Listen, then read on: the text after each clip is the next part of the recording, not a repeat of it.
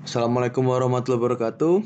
Halo semuanya, nama gue Raffi. Uh, gue ucapin selamat datang di podcast pertama Sustainable Story. Jadi sebenarnya kenapa gue bikin ini? Jadi awalnya sih gue cuma pengen bikin kayak archive. Jadi biar nggak lupa lah ngulang-ngulang apa yang gue tahu ngebahas tentang uh, sustainability development terutama uh, terus climate change issues ya gitu-gitulah renewable energy lingkungan ya hal-hal yang sebenarnya udah gue pelajarin. Nah jadi ya harapannya sih gue bisa share. Jadi sebenarnya sustainable story jadi platform sih tempat buat saling uh, berbagi pengetahuan kita semua tentang sustainable development. Yang harapannya sih bakal juga jadi cerita-cerita ini bakal terus diceritain yang akhirnya pun akan sustainable gitu. Jadi ya langsung aja kita masuk ke episode pertama. Di sini gue pengen bahas satu hal yang menurut gue cukup seru, yaitu tentang yang namanya energi Wende. Jadi apa sih energi Wende tuh? Energi Wende tuh berasal dari uh, bahasa Jerman. Jadi ada dua kata itu energi dan juga Wende. Ya energi seperti bahasa Indonesia itu energi. Dan Wende itu berarti perubahan atau transisi. Jadi sebenarnya si energi Wende itu adalah sebuah transisi di bidang energi untuk menuju suatu uh, pemanfaatan energi secara keberlanjutan, secara bersih, aman, dan juga uh, affordable dari segi harga. Jadi itu ada konsepnya ada dari segi lingkungannya iya, dari safety-nya iya, dan juga affordable. Jadi kalau Jerman mengartikannya sebenarnya mereka mau melakukan sebuah transisi yang mana dari dulu industri mereka itu atau kehidupan mereka ditunjang oleh uh, energi berbasis fosil seperti batu bara, minyak bumi dan juga gas dan juga uh, uranium atau misalnya contoh pembangkit listrik tenaga nuklir.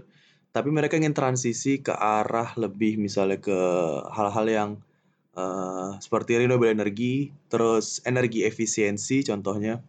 Jadi seperti itu. Jadi sebuah transisi. Dan sekarang gue pengen bahas uh, sebenarnya kenapa sih tercetus hal ini awalnya dan juga strategi apa sebenarnya yang dari yang dicanangkan oleh pemerintah Jerman mengenai energi Wende ini.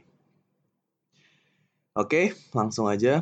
Jadi sebenarnya uh, banyak referensi yang mengatakan misalnya awal tercetus energi Wende gitu. Ada yang bilang tahun 2000, ada yang bilang tahun 2011 bahkan. Namun dari yang gue baca sebenarnya ini mulai dari mungkin sekitar tahun pertama kali tahun 1980. Eh, Jadi pertama kali energi Wende itu tercetus atau terucap itu ada di suatu buku uh, terbitan dari lembaga riset yang namanya Oko Institute di tahun 1980 dengan uh, judulnya Energi Wende gitu. Jadi sebenarnya si buku ini uh, pengen menjelaskan sebuah uh, senario di masa depan di mana uh, sebuah apa ya uh, kesejahteraan dan juga sebuah growth dalam ekonomi dan industri itu namun tanpa ditunjang oleh energi-energi fosil seperti minyak dan juga uh, uranium atau nuklir. Jadi di buku itu di masa depan itu targetnya adalah penunjang industri dan ekonomi kita itu dari uh, batu bara dan juga renewable energy. Jadi di situ tuliskan bahwa uh, kita belum bisa lepas dari batu bara. Nah itu pertama kali uh, tercatat tercetus si energi Wende. Tapi ada juga referensi yang bilang bahkan uh, energi Wende itu juga bahkan sebelum itu. Jadi nah ini hal menarik nih ya menurut gue. Awalnya gue pikir energi Wende itu tercetus karena adanya uh, masalah lingkungan gitu. Tapi sebenarnya nggak juga karena masalah climate change itu yang dari gue baca baru tercetus di sekitar 1986. Jadi ini bahkan sudah uh, uh, dica- uh, mulai dipikirkan 1980. Jadi isu pertama itu bukan climate change. Jadi bahkan satu referensi yang bilang bahwa uh, energi wind ini tercetus dari sebuah gerakan gitu. Gerakan apa sih sebenarnya? Jadi gerakan Uh, jadi pertama kali tuh katanya jadi ada suatu daerah yang menentang pembuatan uh, pembangkit listrik tenaga nuklir di situ, yang mana sebenarnya tujuan pembuatan PLTN itu adalah untuk mengindustrialisasi daerah tersebut. Jadi harapannya dengan kehadiran PLTN tersebut mendatangkan uh, industri-industri lain uh, ke daerah tersebut.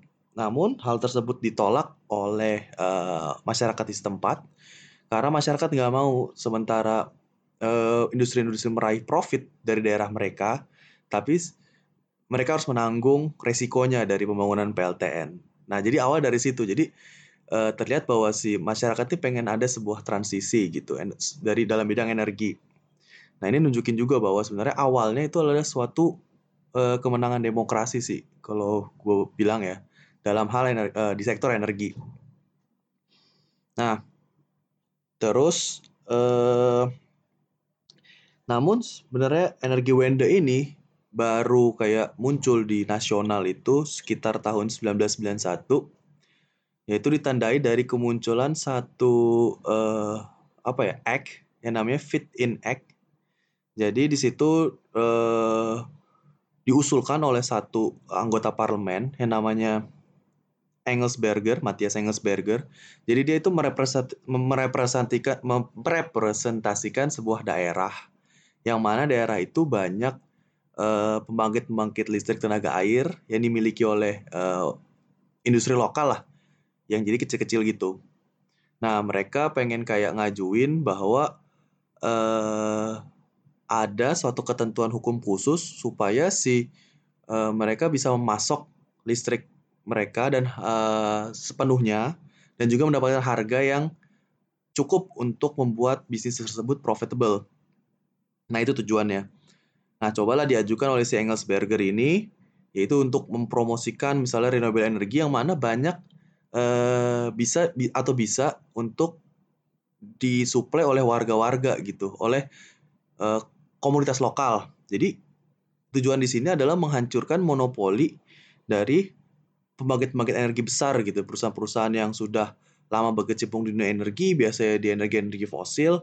Nah, ini pengen bikin gebrakan bahwa pengen juga gitu pembangkit uh, listrik disuplai dari komunitas-komunitas lokal.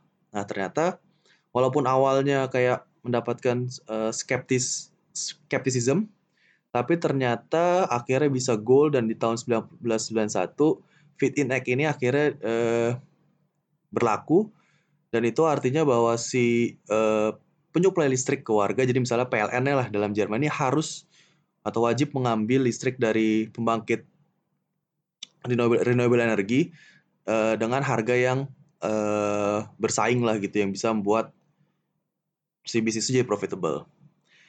Nah, itu adalah penanda awal sih awal dari energi Wende ini bahwa energi Wende ini didukung oleh uh, pemerintah federal Jerman. Nah, setelah uh, David Inek ini, satu milestone besar lagi adalah di tahun 1998 yang mana itu diterbitkannya Energy Economy Act. Jadi ini sebenarnya uh, transformasi dari uh, peraturan yang berlaku di EU ditransformasi ke dalam energi, energi ekonomi Act ini tahun 98 isinya adalah uh, memulai sebuah era baru dalam uh, energi ekonomi yaitu memulai energi uh, liberalized energi market yang artinya jadi dulu di, di Eropa pun uh, sifatnya adalah monopoli yang mana uh, pemain-pemainnya pemain-pemain besar gitu yang berkecimpung di dunia energi atau kita ambillah sekarang listrik lah, pemasok listrik. Seperti di Indonesia misalnya PLN. Jadi si masyarakat nih nggak punya uh, apa namanya alternatif lain gitu untuk dalam hal penyuplai listrik. Misalnya kalau misalnya dalam penyuplai sinyal gitu itu udah ada ya kayak misalnya salur apa sih servis telepon gitu. Kita bisa milih misalnya Telkomsel, Indosat. Nah, tapi kalau dalam listrik kan kita belum bisa milih. Nah, dulu di Eropa seperti itu, namun sejak 98 pengen diubah nih jadi lebih ke liberalize energi market gitu jadi uh, dasarnya persaingan dagang gitu nah jadi uh, kenapa sih dicanangkan ini jadi kenapa apa untungnya gitu apa untungnya liberalize energi market ini untuk uh, target energi Wende itu jadi uh, dengan adanya persaingan pasar ini dan dengan adanya sem jadi semua pemasok uh, jadi nggak cuma customer, namun juga pemasok listrik pun semua dianggap sama gitu uh, haknya. Jadi semua boleh menggunakan jaringan listrik dengan hak yang sama dan juga nanti jadi har uh, akhirnya persaingan harga.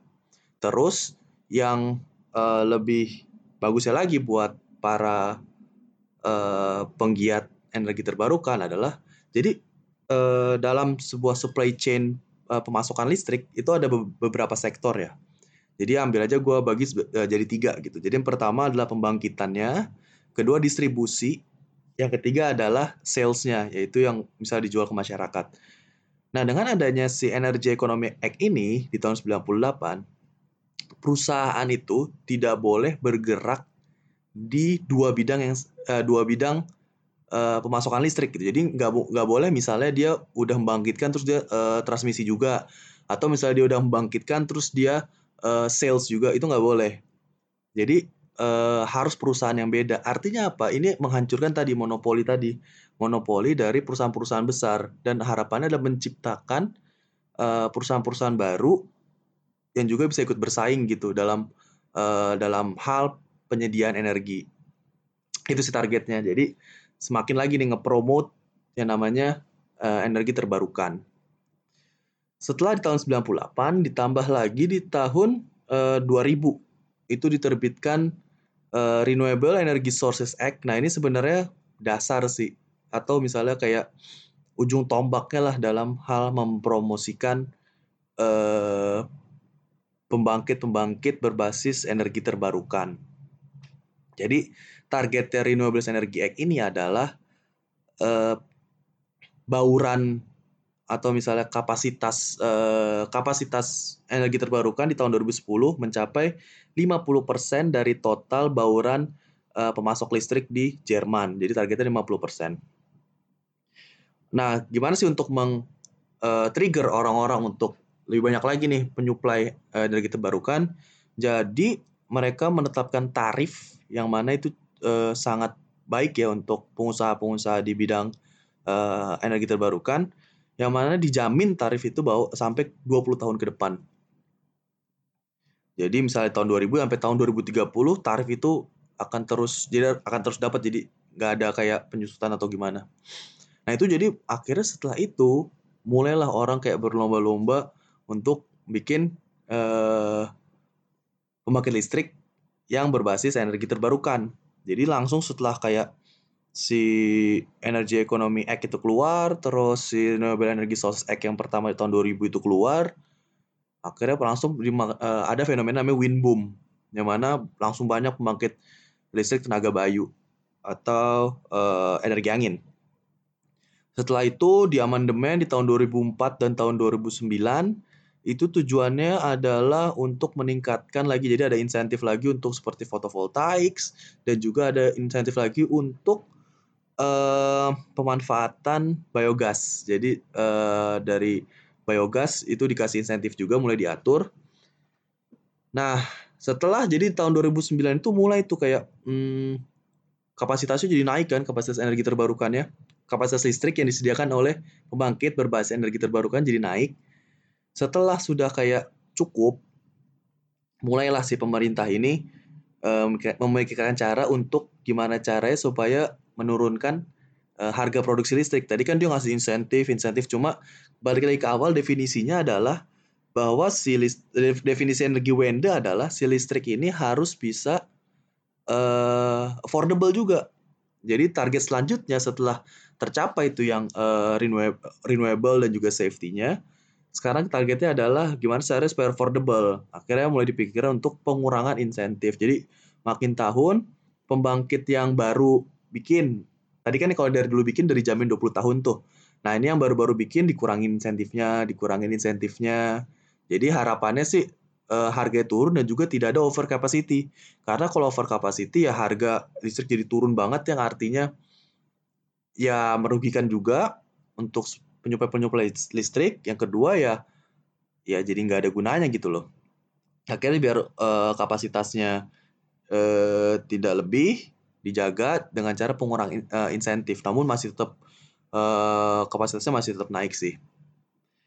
Sampai akhirnya di tahun 2012 itu ada amandemen keberapa? Gue lupa kayak keempat lah kalau nggak salah. Amandemen keempat dari Renewable Energy Act di tahun 2012 itu mulai memperkenalkan uh, skema baru, skema pendanaan baru. Jadi yang tadinya adalah listrik mereka sebanyak apa pun akan diambil oleh si uh, operator lah, op, uh, uh, gue namanya grid operator. Jadi yang punya jaringan listrik itu pasti diambil tuh sebanyak apa pun dengan harga yang tadi bersaing selama 20 tahun tapi sekarang ada lagi alternatif. Jadi mulai uh, pembangkit-pembangkit saya baru ber, uh, baru mulai itu tahun 2014 itu pembangkit-pembangkit besar di atas 500 kW uh, udah nggak bisa lagi tuh yang baru yang baru dibikin ya. Udah nggak bisa lagi tuh untuk uh, dijamin uh, pasokannya. Tapi mereka harus ngikutin harga pasar. Jadi uh, kalau di Eropa itu karena liberalized energy market uh, harga pasarnya beda-beda tuh. Uh, bahkan misalnya per hari atau itu udah beda-beda harganya. Tergantung ada jadi kayak di power exchange lah. Kayak misalnya kita di saham gitu, stock exchange ada power exchange. Nah, itu mereka harus ngikutin harga pasar gitu loh, tergantung supply sama demand-nya. Nah, uh, mereka udah mulai harus masuk tapi tetap dapat insentif lah biar tetap pada mau juga untuk uh, bermain di renewable energy. Karena kalau misalnya murni ngikut harga pasar yang mana bersaing dengan uh, coal misalnya atau dengan uh, gas, mungkin mereka akan kalah gitu harganya. Tapi ya makanya mereka tetap harus uh, dikasih namanya uh, apa sih market premium scheme kalau nggak salah uh, market premium scheme. Jadi mereka dikasih dan itu ada insentifnya juga gitu loh. Nanti gue bakal jelasin lebih lanjut deh tentang ini kalau misalnya pada tertarik. Nah, bahkan di tahun nah itu kan udah mulai kayak pengurangan-pengurangan. Nah, akhirnya di tahun 2017 nih ada yang namanya uh, baru nih, ada namanya baru uh, yaitu skemanya sistem lelang. Jadi dulu kan uh, orang bebas tuh kayak misalnya pengen bikin siapa yang bikin uh, pembangkit listrik tenaga angin sebanyak-banyak itu. Bikin bikin bikin misalnya tiba-tiba misalnya dalam setahun kapasitasnya melonjak gitu itu boleh aja dulu. Tapi sekarang nggak bisa jadi sekarang udah dibatasin sama pemerintah. Tahun ini kita cuma uh, bangun misalnya turbin angin segini uh, fotovoltaik segini misalnya kayak ambil lah angkanya misalnya uh, 50 giga gitu turbin angin atau 50 giga fotovoltaik. Nah mereka kan bersaing gitu kayak misalnya si A oh gue berani ngasih 25 giga uh, dengan harga segini. Misalnya B, oh aku berani 30 giga dengan harga segi lebih murah gitu. Nah, mereka akan uh, saingan-saingan harga lebih murah sampai kapasitasnya tercapai gitu. Jadi nggak akan lebih kapasitasnya. Jadi bisa terkontrol tuh kapasitasnya. Kira-kira dibutuhin berapa tahun ini, tahun depan pertumbuhannya dibutuhin berapa. Nah, itu cuma segitu aja gitu yang dibuka dan dilelang. Jadi harapannya lagi-lagi bisa menurunkan harga uh, produksi listrik. Kayak gitu kira-kira uh, strateginya ya dari bidang ini kita baru ngomongin dari segi supply-nya gitu. Sementara dalam uh, transisi energi ya, jadi nggak bisa kita ngomongin supply-nya aja kita tambahin karena misalnya contoh, gue kasih contoh, uh, gridnya atau jaringan listriknya pun harus ada perubahan gitu. Yang tadinya misalnya contohnya kalau batu bara kan dia akan selalu available ya. Jadi asal batu baranya ada, dia, uh, pembangkit tersebut akan selalu bisa menghasilkan listrik. Tapi uh, renewable energi kan nggak selalu kayak gitu. Misalnya uh, surya deh, dia cuma ada pas siang, pas malam nggak ada. Nah itu gridnya kan uh, harus ada modifikasi pada gridnya. Nah, banyak sih ini kalau energi transisi ngebahas jadi mungkin nggak akan uh, sempat dalam satu uh, episode. Jadi kayaknya akan gue uh, bahas di episode selanjutnya. Itu aja dulu di episode pertama. Kalau lo senang, ya bakal gue lanjutin. Oke? Okay? Makasih ya. Assalamualaikum warahmatullahi wabarakatuh.